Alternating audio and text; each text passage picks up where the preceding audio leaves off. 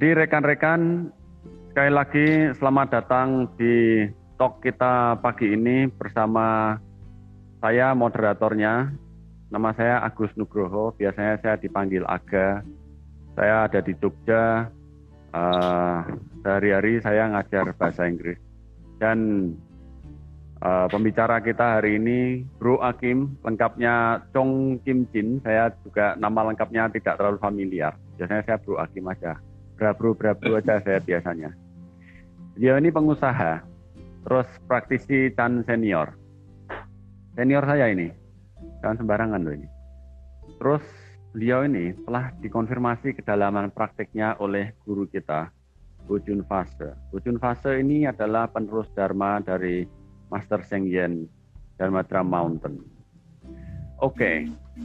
uh, kawan-kawan yang ikutan boleh menuliskan komentar atau saran atau kritik atau pertanyaan. Jadi nanti kita punya dua sesi.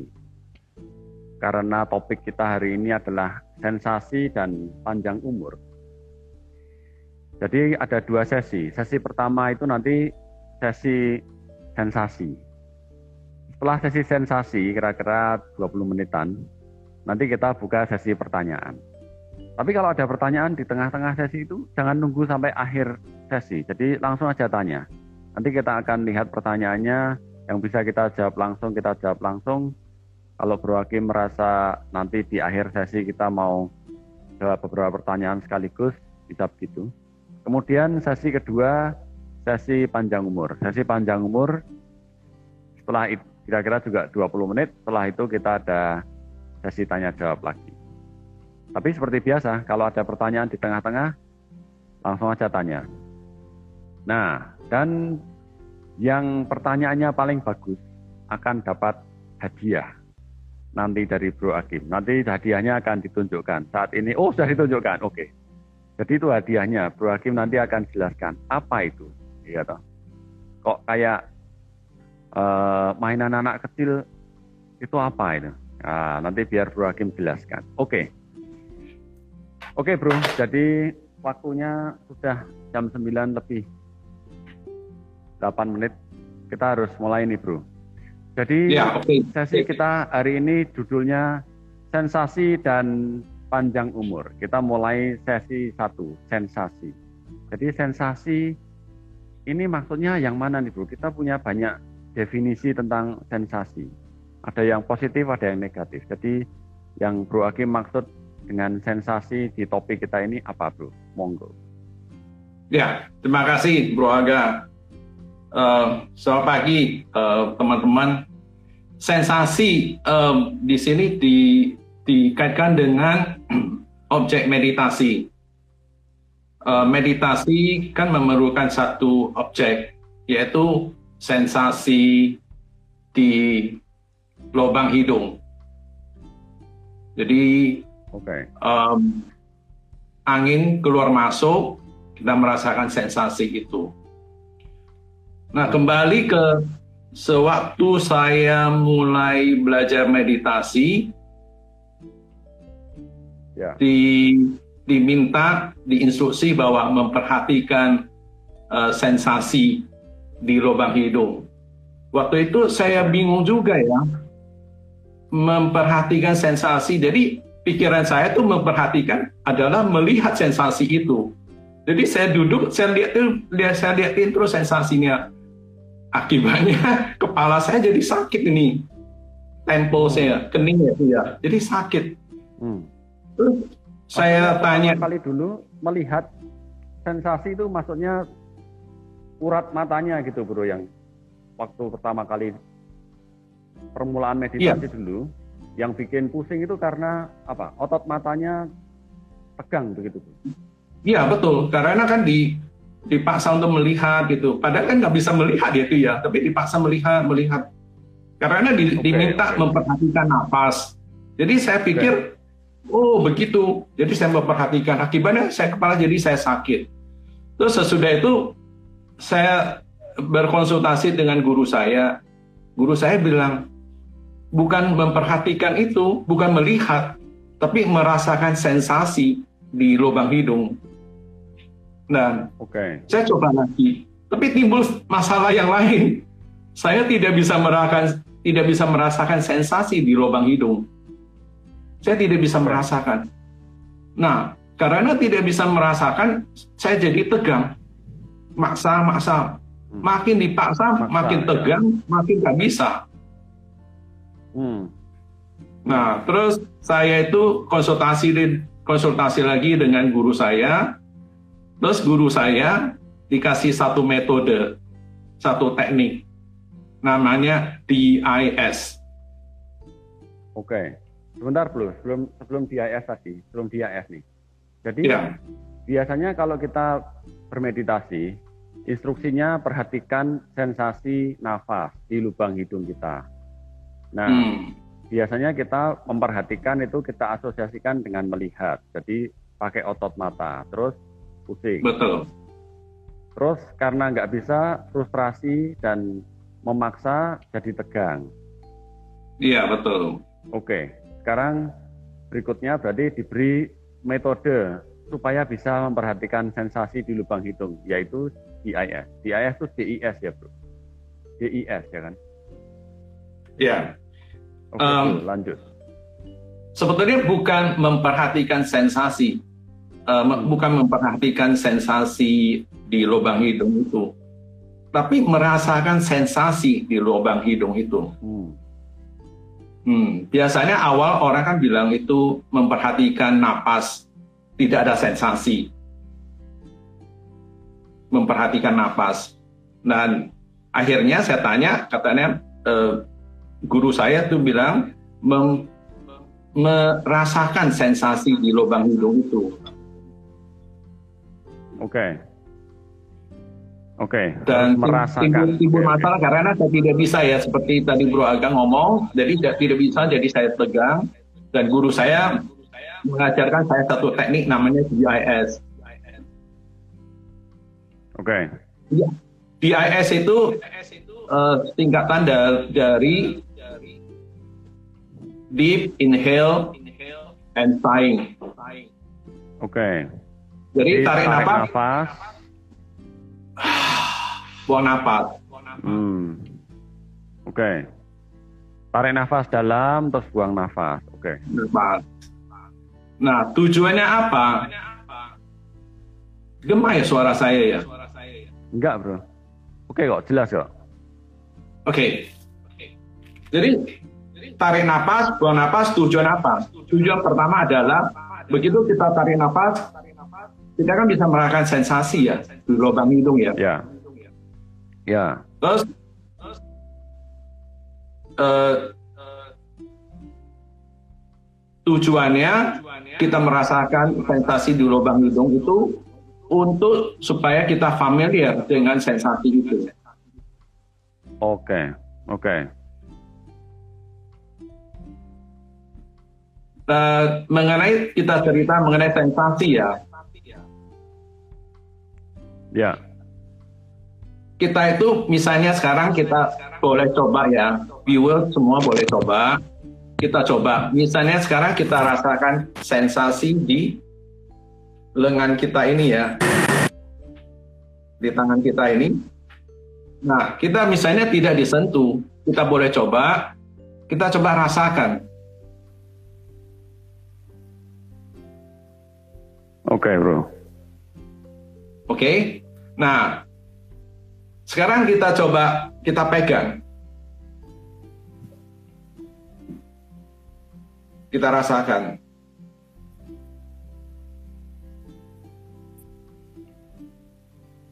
Oke? Okay? Hmm. Nah, sekarang coba kita gosok-gosok.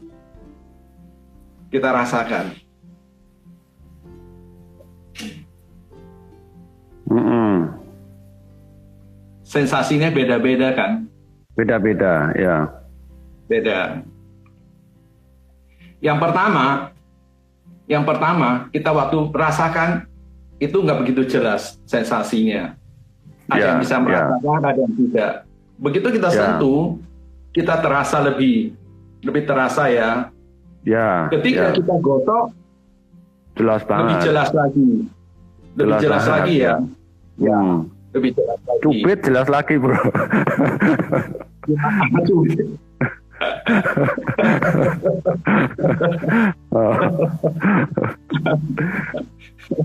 jadi, jadi maksudnya, gini. jadi maksudnya untuk merasakan sensasi itu ada beberapa metode bantuan gitu ya, bro. Jadi kalau nafas, Betul. Jadi DIS ya, pakai pernafasan dan buang nafas dalam tadi. Tapi kalau hmm. misalnya merasakan bagian-bagian tubuh, boleh pegang. Kalau pegang kurang, boleh gosok-gosok. Ya. Oke. Okay. Maksud saya begini. Okay, bro. Jadi kita di kita waktu lakukan DIS, kita kan merasakan sensasi di lubang ini, lubang hidung ini. Ya. Ya. Tujuannya tujuannya untuk supaya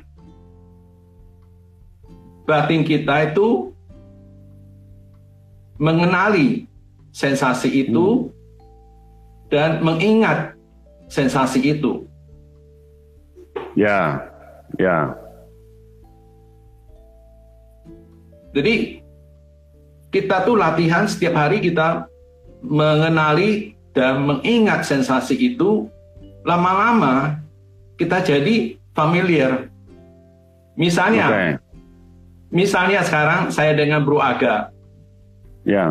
Saya tiap hari, kita tiap hari ketemu, tiap hari yeah. ketemu. Saya kan me memperdalam uh, kenalan, mengenali Bro Aga, dan saya mengingat hmm. bentuk-bentuk. Bro Aga cara kepalanya, cara ngomongnya, semua saya mengenali dan saya mengingat. Akibat oh, okay. apa? Akibatnya apa? Besok saya ketemu, saya lihat, saya tahu saya berpikir itu ini siapa? Saya langsung tahu ini Bro Aga. ya, ya, ya, ya. Oke, oke. Sensasi ya, sensasi karena kita tiap hari Misalnya kan kita tidak bisa merasakan seperti tangan itu ya tadi ya. Sengaja kita itu yeah. berjalan dengan sensasi itu. Tujuannya apa? Yeah. Tujuannya satu mengenali sensasi itu. Ya. Dua yeah. mengingat yeah. sensasi itu. Jadi kita tiap hari melakukan, akhirnya kita jadi familiar dengan sensasi itu. Ya, betul betul betul. Lihat sekilas saja udah tahu, oh ini Bro Hakim, oh ini Bro Aga gitu kan. Ya, betul. Oh ini Jadi, istri saya, tiap hari ketemu cemberut dikit, oh tahu saya ini baru marah. Oke, okay. jadi makin kita familiar dengan sensasi di lubang hidung, sensasi di tubuh kita, makin mudah nanti kita menjalankan, uh, menerapkan metode meditasi kita, bro. Ya betul. Jadi okay. begitu kita familiar dengan sensasi itu, kita tahu usah berusaha untuk merasakan dia. Tidak ya. perlu ya. usaha merasakan sensasi itu. Ya, ya. Begitu kita duduk, dia udah muncul. Kita udah kenalin, kita udah mengingat sensasi itu. Jadi dengan mudah ya, kita ya. melakukan, kita merasakan sensasi itu. Ya, oke, okay, oke, okay, oke. Okay. Ah, ini perlu saya punya pertanyaan. Nah, dan dan sebentar. Jadi balik lagi ke tadi saya minta pegang tangan itu tujuan ini. Waktu ya. pertama kita itu merasakan sensasi tangan itu, kita kan susah merasakan hmm. sensasi itu. Hmm. Mungkin teman-teman waktu tidak bisa merasakan, apa teman-teman perhatikan kak pikirannya gimana? Pikiran pasti berpikir, hmm, oke hmm, oke. Okay, okay. Saya tidak bisa merasakan ya, kok gimana rasanya? Ya, ya. Berpikir-pikir, terus kita berusaha untuk ya. merasakan. Nah, ya. itu malahan timbul ada rasa tegang. Aduh, kok saya nggak bisa ya? ya. Gitu. Waktu ya. dipegang, oh, saya bisa rasakan.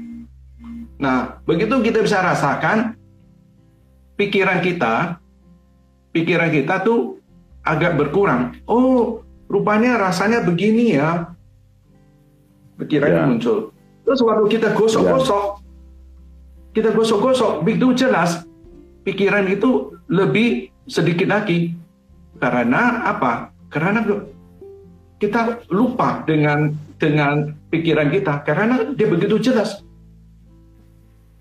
Ya, ya. Mungkin kita timbul curious, jadi curious, jadi ke, keingin tahu kok ini apa ya, kok rasanya begitu ya. Mereka ya. pikirannya ya. lebih berkurang. Ya. Nah, maksudnya saya touch ya. itu, saya, maksudnya mau menunjukkan bahwa sensasi itu ada level-levelnya, ada tingkat-tingkatannya. Sensasi okay. makin jelas, sensasi makin jelas, pikiran makin berkurang. Oke, okay, oke. Okay. Nah, ngelanturnya makin berkurang ngelanturnya. Ya, betul betul, Bro. Okay. Jadi kalau misalnya kita tuh sensasi di lubang hidung ini jelas pikiran kita akan berkurang. Oke. Okay. Kalau berkurang, dengan istilah lain, terkonsentrasi kita di lubang yeah. hidung ini. Kira-kira itu okay. begitu, bro? Ya, ya, oke, okay. oke, okay, sip, bro. Jadi tadi ini buat teman-teman yang barusan join, saya mau ringkas sedikit. Uh, topik kita hari ini adalah sensasi dan panjang umur. Kita baru di sesi pertama yaitu sensasi, nanti sesi kedua panjang umur. Kalau ada pertanyaan, kawan-kawan boleh tanya aja langsung di situ nanti kita akan catat dulu atau kalau ada yang langsung mau kita jawab, Bro Hakim akan langsung jawab. Jadi kita sekarang sudah di tengah-tengah sesi pertama kita sensasi. Jadi semakin semakin kita bisa merasakan sensasi kita di objek meditasi kita ini, Bro. Misalnya lubang hidung tadi topiknya. Uh, pikiran kita makin berkurang, makin tidak ngelantur, makin makin rileks gitu ya, makin nggak tegang, makin tidak memaksakan ini kok aku nggak bisa atau aku kok bodoh sendiri. Biasanya kita kalau meditasi pertama kan kita merasa aku ini bodoh sendiri karena kayaknya lainnya anteng-anteng aja bisa, saya nggak bisa. Padahal kita anteng juga sebenarnya nggak bisa gitu bro. Oke. Okay. Betul, bro. Jadi sekarang berikutnya adalah, lah kalau kita sudah mengenali tadi itu, sebenarnya sudah agak terjawab sih bro. Mengenali tadi itu dan berarti pikiran kita berkurang, kita terkonsentrasi, terus terus ngapain bro? Kalau udah terkonsentrasi terus terus ngapain? Manfaatnya terus apa bro? Hmm, pertanyaan bagus, bro. Ya, pikiran, pikiran um, ada bermacam-macam pikiran ya. Ada hmm. pikiran hmm. yang uh, salah satunya uh, ruminative thinking. Jadi okay. pikiran ruminatif. Uh, pikiran hmm, ruminatif, ruminatif berarti bergulung-gulung membentuk pikiran berikutnya, membentuk pikiran berikutnya, bro. Ya betul. Mm-hmm. Dengan dengan masalah yang sama, tapi kita mm. tuh berulang-ulang uh, uh, uh, berkutak di situ dengan ditambah mm. minyak, ditambah cabai, ditambah garam. Jadi nano-nano rasanya gitu loh. ya. ya. Ya. Jadi rasanya nano-nano gitu. Akibatnya hmm. apa? Akibatnya emosinya juga muncul. Ya, Akibatnya okay. emosi okay. juga muncul. Nah, saya ada satu percobaan. Kita tuh boleh teman-teman boleh ikut ya satu satu hmm. testing bagaimana pikiran itu bekerja dan bagaimana badan okay. kita bereaksi. Nah, saya okay. ada di sini ada ini loh, kelihatan jeruk nipis. Apa itu bro? Oh jeruk, oke. Okay. Jeruk nipis. Jeruk ya. nipis ya. Ya. Jeruk nipis. Nah, nah dia ada jeruk nipis. nah, teman-teman coba. Bro lagi kita di tuh, dapur apa kok ada jeruk nipis?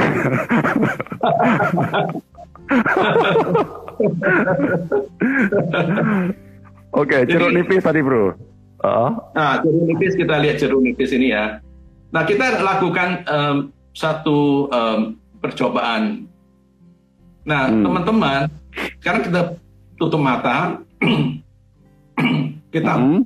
kita bayangin kita makan jeruk nipis ini. Oke. Okay. Rasakan kita lagi memakan jeruk nipis ini?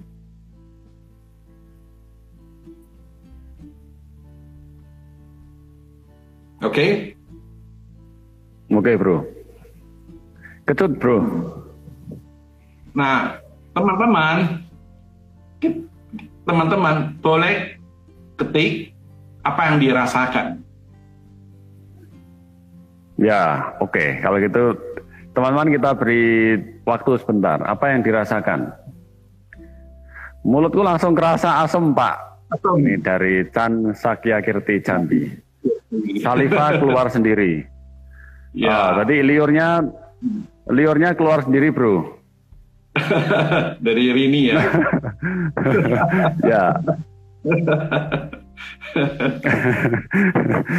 Biasanya saya makannya sama kecap. Air liur keluar wah, dari Dewi. Ya. Nah, dari dari percobaan ini kita melihat hmm. bahwa consciousness kita tidak bisa hmm. membedakan yang mana realita, yang mana pikiran. Ya, Oh oke okay, oke. Okay. Maksudnya kita nggak makan jeruk nipis beneran pun keluar liurnya. Iya, karena pikiran okay, okay. kita, karena pikiran kita itu membayangin kita itu uh, makan jeruk nipis. Akibatnya okay. badan kita bereaksi mengeluarkan air liur. Oh oke okay, oke okay, oke. Okay. Benar benar benar. Nah dari sini kita bisa melihat bahwa pikiran pikiran pikiran itu punya efek terhadap emosi kita, mm-hmm. tubuh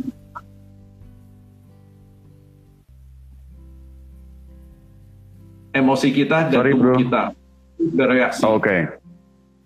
oke. Okay. Karena consciousness Jadi walaupun kita itu tidak terjadi, dia. walaupun tidak terjadi, reaksi tubuh kita itu seakan terjadi gitu kan bro? Betul, betul, betul. Kalau tidak terjadi makan jeruk nipis, toh reaksinya tetap seperti sedang makan jeruk nipis, liurnya keluar. Betul, betul. Jadi maksudnya betul. pikiran yang yang yang terus produktif mem, uh, menghasilkan pikiran yang lain, menghasilkan masalah dan seterusnya itu berbahaya. Iya. Seakan kalau kita berarti kalau kita beran, memikirkan kita sedang berantem, tubuh kita itu bereaksi seperti sedang berantem, gitu maksudnya, Bro? Betul, betul, Bro Aga. Jadi okay. kalau kita okay, okay. kita kita teringat kita lagi uh, uh, bertengkar dengan orang, mungkin jantung kita langsung berdebar-debar, mungkin uh, okay. uh, uh, badan kita agak tegang, Oke, okay, ya benar-benar. Kotet bro, kotet. Muka kita agak merah, panas gitu. ya, tegang, merah, mencengkram. Ya, padahal tidak, tidak. Situasi padahal itu enggak, tidak. Padahal enggak ada. Pikiran kita. Ya, ya, ya, ya. Benar, benar, benar. Nah itu tujuan, tujuan kenapa kita itu menjinakkan uh, pikiran kita dengan sensasi di lubang hidung atau sensasi tubuh supaya okay. pikiran itu uh, berkurang. Masih ada berkurang yeah. bukan yeah. semua pikiran ya, maksudnya pikiran ruminatif itu loh. yeah. pikiran banyak macam. Salah satu yang merusak itu adalah pikiran ruminatif. Ya, ya. Jadi kalau ada masalah, kita biasanya kan terus mikir, terus, uh kurang ajar orang itu, kita dikatain apa gitu? Dikatain iya, bodoh gitu misalnya. Atau katanya meditasi kok masih bodoh gitu misalnya. Terus kita uh kurang ajar. Enak aja dia ngatakan saya bodoh padahal saya sudah begini sudah begitu. Nah, ini ruminatif berarti bro. Kalau gitu betul, coba betul, besok aku ke sana dia tak tegur gantian wah padahal belum berantem tapi di pikiran sudah berantem dan tubuh kita ngertinya kita benar-benar berantem iya bereaksi. Oke okay, gitu. oke okay, oke. Okay. Jadi kalau pas begitu kita kembali ke sensasi di lubang hidung, begitu bro? Betul, uh, sensasi di lubang hidung atau di sensasi tubuh. Oke, ini ada pertanyaan bro. Itu, ya. Dari Awen. Saya bacakan aja nanti kalau mau dijawab sekarang boleh, mau ditunda di akhir sesi boleh. Apakah ada perbedaan pikiran, perbedaan antara pikiran ngelantur, pikiran mengembara, dan pikiran tersebar? Pikiran ngelantur, pikiran mengembara, dan pikiran tersebar. Apakah ada perbedaannya? Persamanya ada, semua jelek lah itulah. ya. Perbedaannya apa? Monggo Bro Hakim silakan catat dulu aja. Kalau mau dijawab nanti bareng-bareng ya. boleh. Mungkin saya jawab singkat aja. Soalnya okay, ngelantur, okay, ya. mengembara, tersebar itu hanya istilah-istilah aja. Intinya okay. pikiran itu tidak uh, dengan uh, badan kita. Dia jalan-jalan gitu. Oke. Okay. Itu hanya istilah okay. aja saya rasa. Oke, okay, oke, okay, oke. Okay. Mirip lah itu kakak beradik itu sibling sibling ya. semua. ya. Sekarang kan boleh terus tanya ya, boleh terus tanya kita mau nanti kita akan jawabin juga. Ingat yang paling bagus akan dapat hadiah dari Bro Hakim. Hadiahnya nggak main-main loh ini loh. hadiahnya tadi saya lihat kayak mainan anak-anak tapi bukan mainan anak-anak serius nih hadiahnya ya oke tunjukkan Ini... lagi bro hadiahnya bro biar biar pada suka bro ya ini uh, ya namanya uh, car ozone jadi ini pasang di mobil oh. ini dia mengeluarkan ozon ozon adalah O3 okay. O3 itu hmm. uh, intinya bisa membunuh bakteri dan virus, hmm. apalagi sekarang COVID-19 hmm. ini ya, perlu hmm. dan bisa menghilangkan bau. Jadi di mobil oh, okay. tidak usah pakai parfum lagi. Parfum kan tidak membunuh kuman, tidak membunuh virus. Aja. Nah, ini, ya. ini mobil selain tidak bau dan bersih, terbebas dari ya. semua bakteri atau virus. Oke, okay. ya, kira-kira itu. Car ozone. Car ozone. Ya. Ozon itu O3. Ya, ozon O3. Jadi dia jadi dia mengeluarkan ozon, Bro, atau gimana? Ya, dia mengeluarkan ozon. Ya. Oke, okay. dan itu membunuh virus dan bakteri. Ya, dan berarti COVID bau, bau dan menghilangkan bau. Oke, okay. berarti COVID mati juga lah, Bro. Ya. Oke. okay. Yes. Ada pertanyaan lagi bro tentang sensasi ini hubungannya bagus bro. Oke kawan-kawan boleh tanya ya nanti yang paling bagus dapat hadiah. Hmm. Apakah sensasi ini kita bawa terus selama meditasi untuk menjaga konsentrasi atau apakah sensasi ini bisa dilepas? Hmm, pertanyaan bagus ini. Hmm. Jadi sensasi um, bukan hanya waktu kita duduk kita merasakan sensasi itu. Kalau bisa, ya. sepanjang hari kita merasakan sensasi itu. Tujuannya ya. Supaya pikiran kita tidak uh, berpikir yang macam-macam. Oke. Okay. Ruminative thinking. Karena ya. Impulsive thinking, intrusive thinking. Nah, itu yes. itu pikiran yang uh, tidak tidak baik untuk uh, diri kita sendiri. Yes, oke okay, bagus. Jadi sensasi ini tidak hanya kita jaga selama meditasi, tapi juga di kehidupan sehari-hari. Fungsinya supaya pikiran kita lebih mengendap, tidak terus-menerus menciptakan buah pikir yang tidak nyata, karena tadi sudah dibahas sedikit uh, buah pikir-buah pikir ini menyebabkan tubuh kita bereaksi seakan-akan nyata. Kalau kita makan jeruk nipis, tubuh kita mengeluarkan liur. Kalau kita berantem, baik tubuh kita mengeluarkan hormon berantem dan seterusnya. Padahal tidak. Jadi kita nggak pernah berantem, tapi di otak kita kita tuh ratusan kali berantem gitu. Ya, Oke, betul, bro, betul. terima kasih. Jadi cerita Monggo, ini, bro, lanjut. Ya. Ya, jadi cerita ini ada ada Eh, satu cerita bahwa kenapa zebra tidak ada tukak lambung. Hmm, zebra nggak pernah sakit mah, ya. Ya nggak pernah sakit mah ya. Karena ya. zebra dia kalau melihat singa dia bereaksi, dia lari. Ya. Dia berlari Ya. kan, dia melihat Ya. eh, bahaya, dia lari. Dan waktu dia lari dia kan stres dong. Dia stres ya, dia lari karena badannya mengeluarkan hormon kortisol, adrenalin untuk menyelamatkan diri, mereka lari. Tapi Ya. kita manusia modern itu kan ancaman fisik ya, tapi manusia modern nggak ada ancaman fisik. Cuma apa? Kita manusia modern takutnya apa? Takut kehilangan Hmm. uang. Investasi saya banyak. Kerjaan saya banyak. Ya. Ya. reputasi saya kalau rusak itu gimana? Itu hal-hal Ya. kita itu mikir jadi em, moodnya seperti zebra melihat singa. Ya. Ya. Padahal Jadi kita nggak ada singanya. Itu, ya, kalau zebra itu eh, ancamannya nyata fisik. Tapi manusia Ya. modern kita ini ancamannya non fisik bukan fisik. Itu cipta, Oke. ciptaan pikiran, ciptaan pikiran. Jadi nggak Oke. ada kapan selesainya. Kapan kapan selesainya Oke. nggak ada.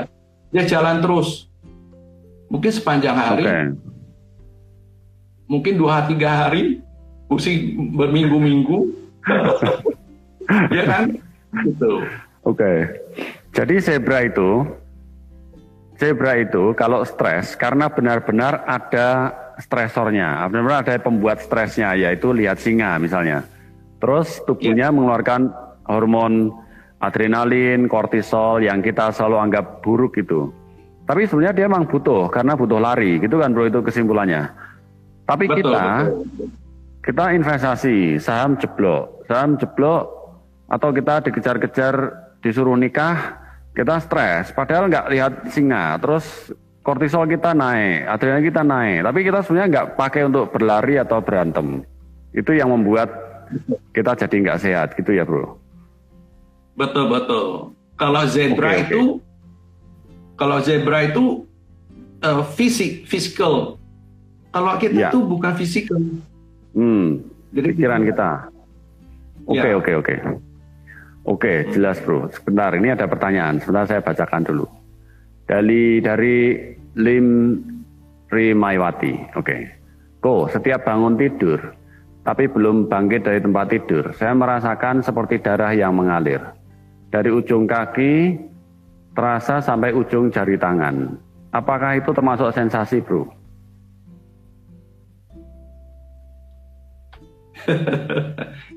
sesuatu, sesuatu yang kita bisa rasakan Hmm. itu sensasi. Oke. Oke. Apa saja yang bisa kita rasakan itu itulah kita kita masukkan definisinya sebagai sensasi. Oke. Ya, Oke, berarti itu sensasi juga kan, Bro? Jawabannya iya kan, Bro? Iya. ya betul. Itu sensasi juga. Ya, Jadi ya, Bro, ini pertanyaan lagi. Kalau misalnya kita mau stay berdiam di sensasi yang dirasakan tadi ini, sensasi darah mengalir dari ujung kaki terasa sampai ujung jari tangan, bagus juga nggak, Bro?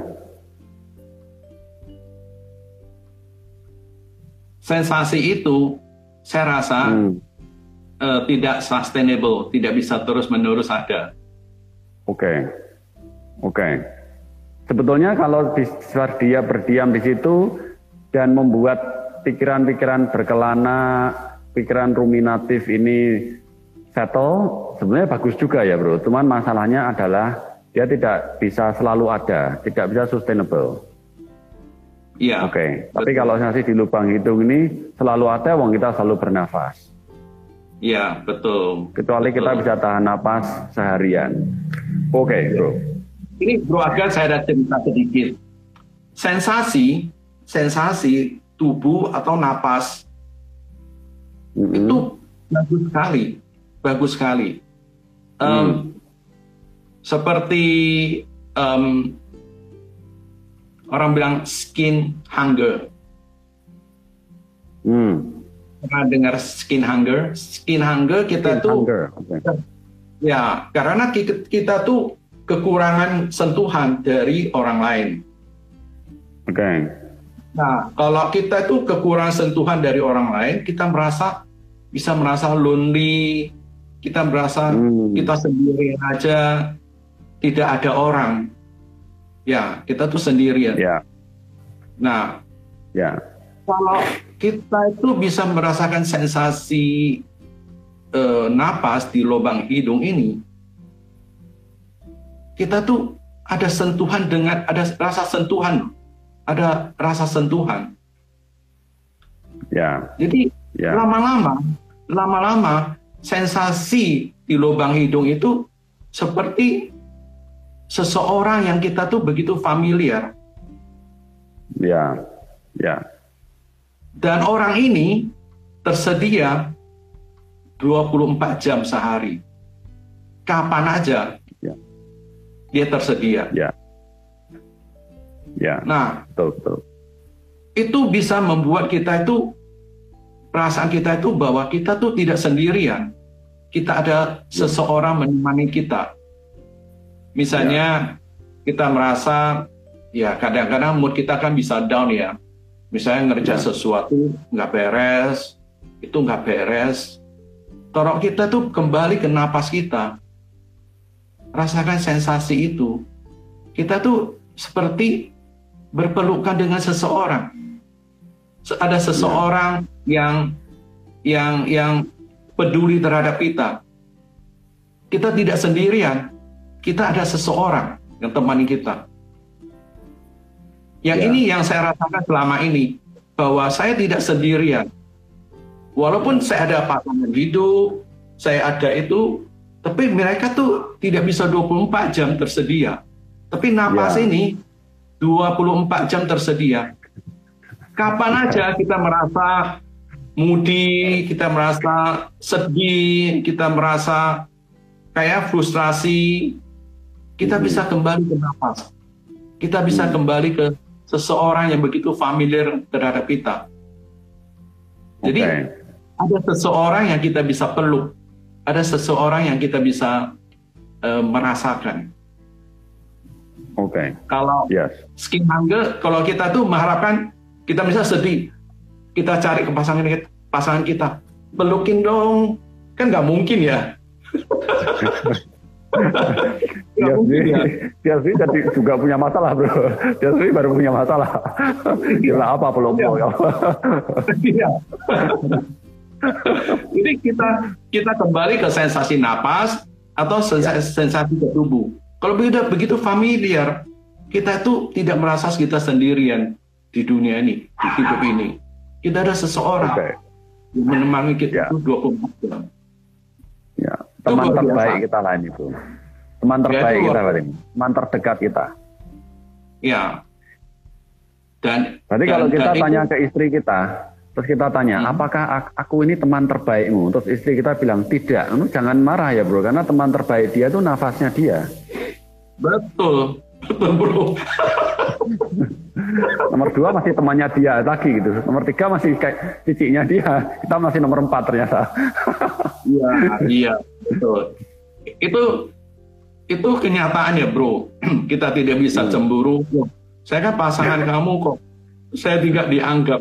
Tapi kenyataan, hmm. sensasi, sensasi tubuh kita itu adalah teman kita atau okay atau bagian dari kita. Itu okay. itu itu uh, uh, nyata itu. Oke, okay. bro. Dan kalau gitu. Dan, dan ini ini bro, hmm. saya ada satu cerita ya, ya. mengenai GIS ini ya. Ada cerita satu okay. GIS. Hmm. GIS itu. Ada satu ibu-ibu, hmm. dia tuh orangnya emosional dan dia punya satu anak suaminya. Hmm. Ini cerita ini dia belajar di IS. Dia belajar di IS. Biasanya sesudah makan, suami dan anaknya di ruang keluarga mereka duduk ngobrol gitu. Kalau mereka dengar di dapur suara piring pecah, kalau nggak ada suara, itu berarti istri yang pecahin. Kalau begitu suara pecah piring dan teriak-teriak, anaknya ngomong sama bapaknya kan, pembantunya pecahin lagi piringnya pak. Oke. Okay. Jadi pada satu hari piringnya pecah dan nggak ada suara. Hmm. Terus anaknya bilang sama papanya, mamanya pecahin piring lagi, mak, pak. Gitu. Tapi nggak lama kemudian mereka dengar dari dapur itu pembantunya minta maaf sama ibunya. Bu maaf ya, saya pecahin piring. Terus anaknya lihat bapaknya, bapaknya lihat anaknya. Loh, apa yang terjadi? Lupanya, begitu pecah, ibu itu lakukan di IS di dapur.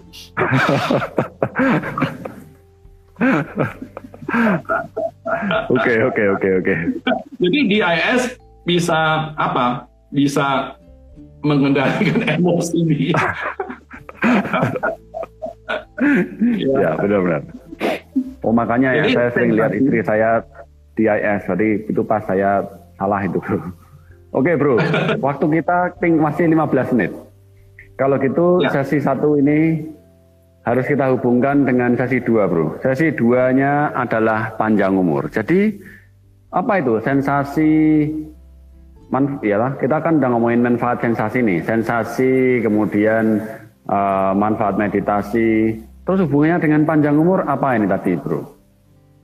Ah, pertanyaan bagus, Bro Aga nih. Jadi, uh, bentar, Bro. Sebelumnya ada pertanyaan saya bacakan dulu. Nanti boleh dijawab sekarang atau nanti. Koakim, DIS penting, tapi kenapa di latihan bersama jarang ada DIS, PMR, kebanyakan delapan gerakan berkesadaran dari Asnahko. Wah ini di latihan bersama kenapa jarang ada DAS dan PMR bro? Kenapa kebanyakan delapan gerakan berkesadaran? Um, sebenarnya banyak cara untuk ya.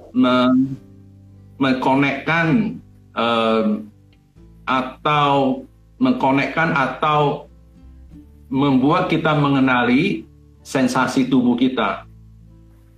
Gerak delapan gerakan delapan eh, delapan gerakan berkesadaran itu adalah juga salah satu dari eh, upaya supaya upaya supaya kita bisa merasakan sensasi tubuh, ya, mengenali ya. sensasi tubuh itu dan ya. mengingat sensasi tubuh itu. Ya oke. Okay. Kenapa? Oke, okay, itu pendek pendek aja ya.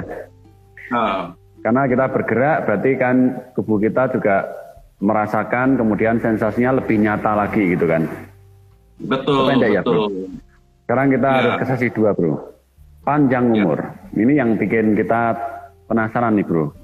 Panjang umur, pokoknya topik-topik panjang umur, sehat, awet muda, kelihatan lebih muda dari usianya DSP DSP kita suka bro. Jadi apa ini panjang umur?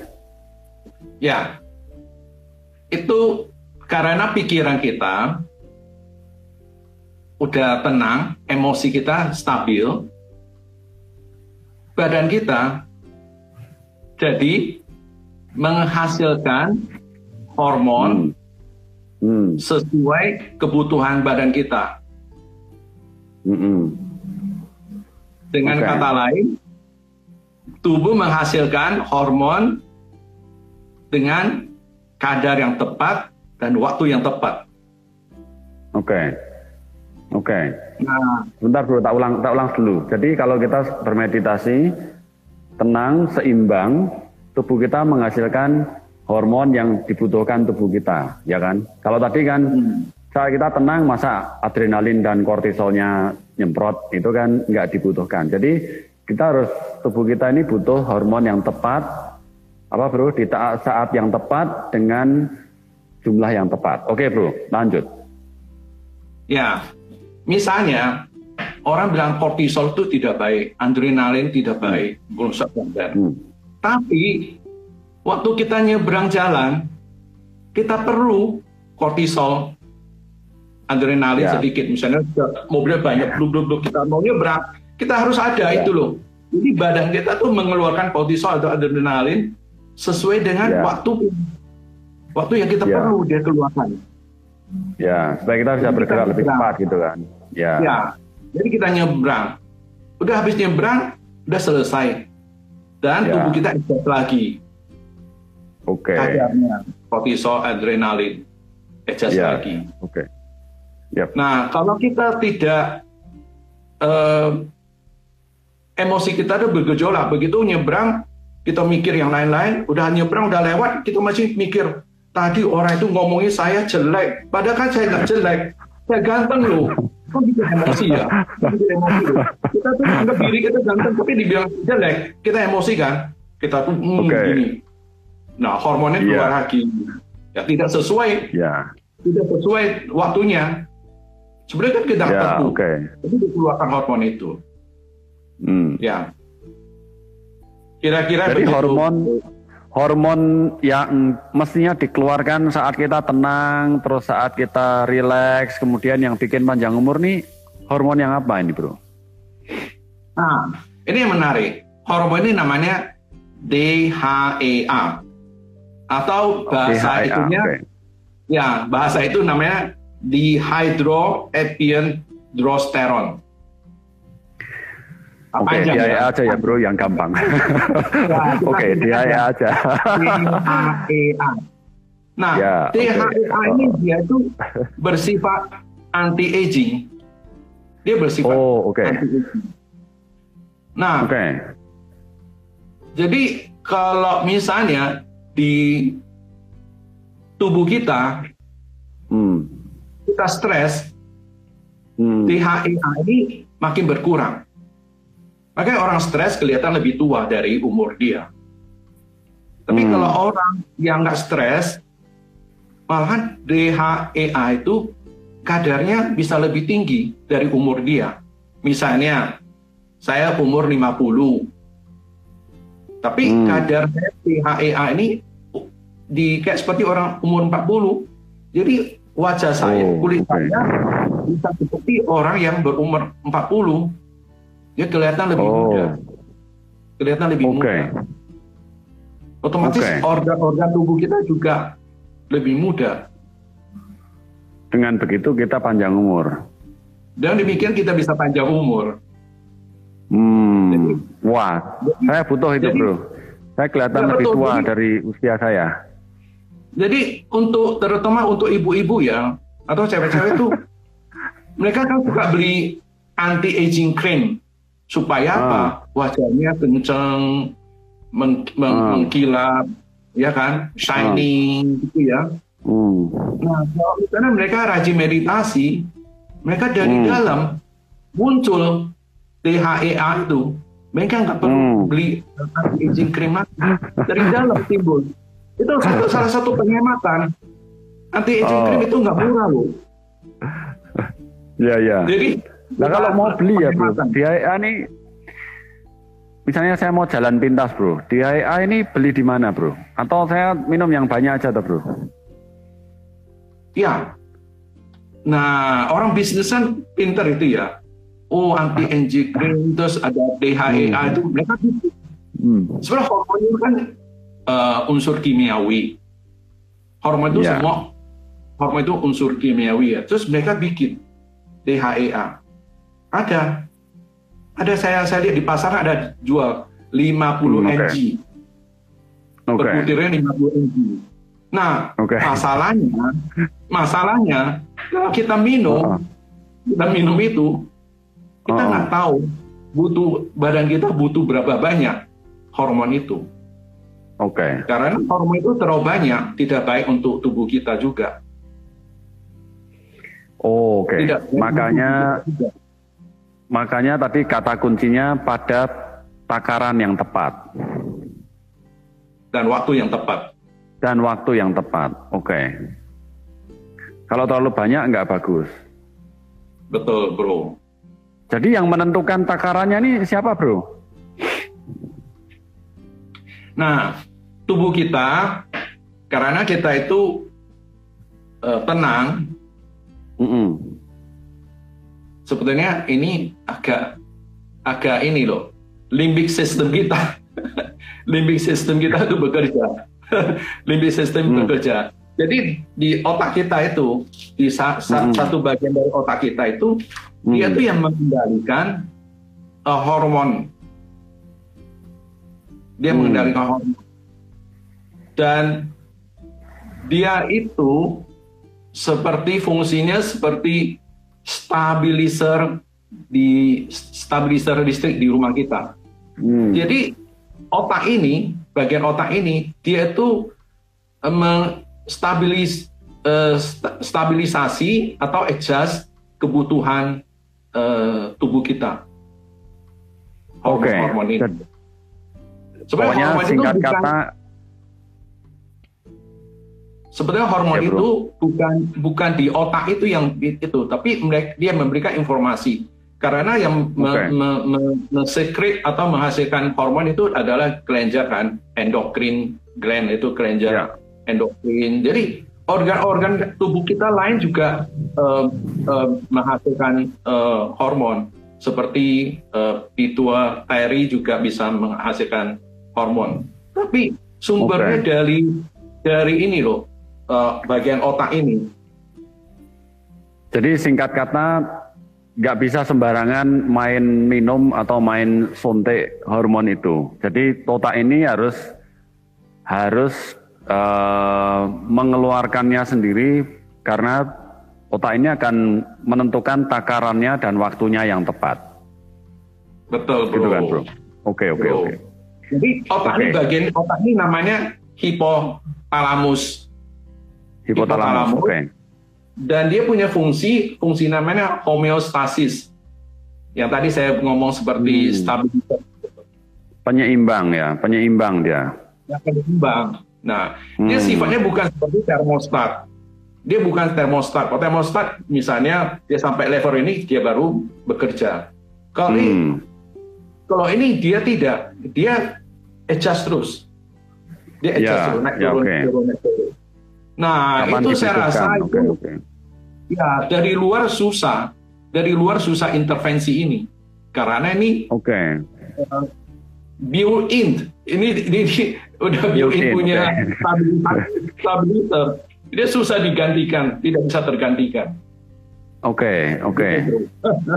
Jadi harus dari dalam. Oke, okay, biarkan otak ini menstabilkan dirinya sendiri, gitulah kira-kira. Betul, betul, betul. Oke, okay, bro. Hmm. Waktu kita tinggal tiga menit.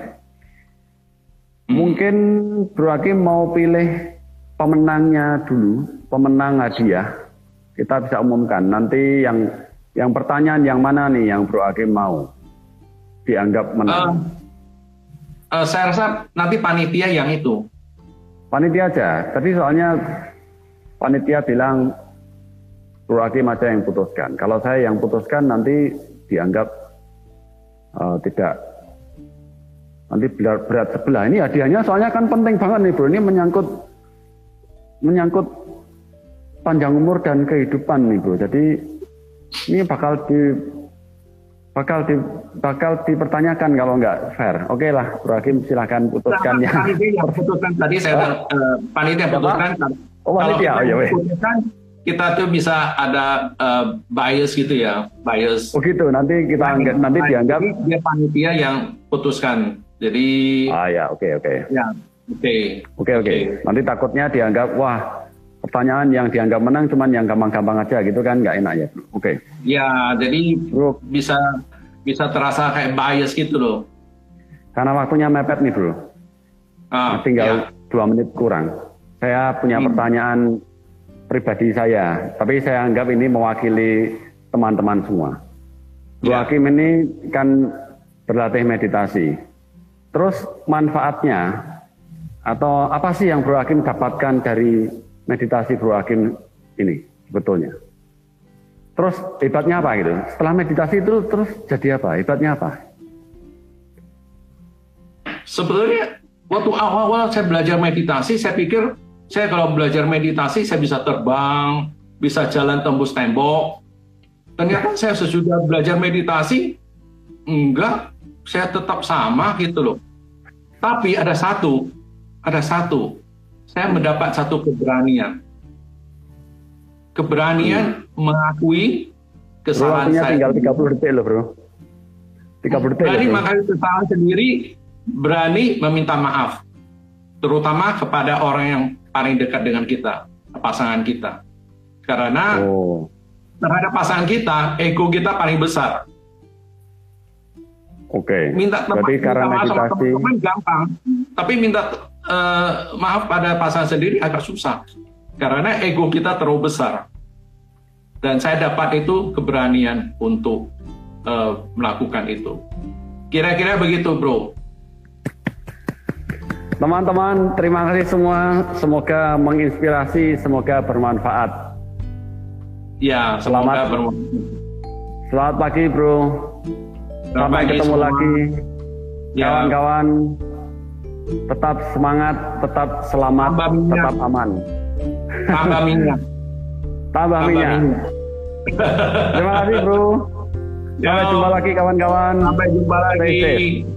Yo.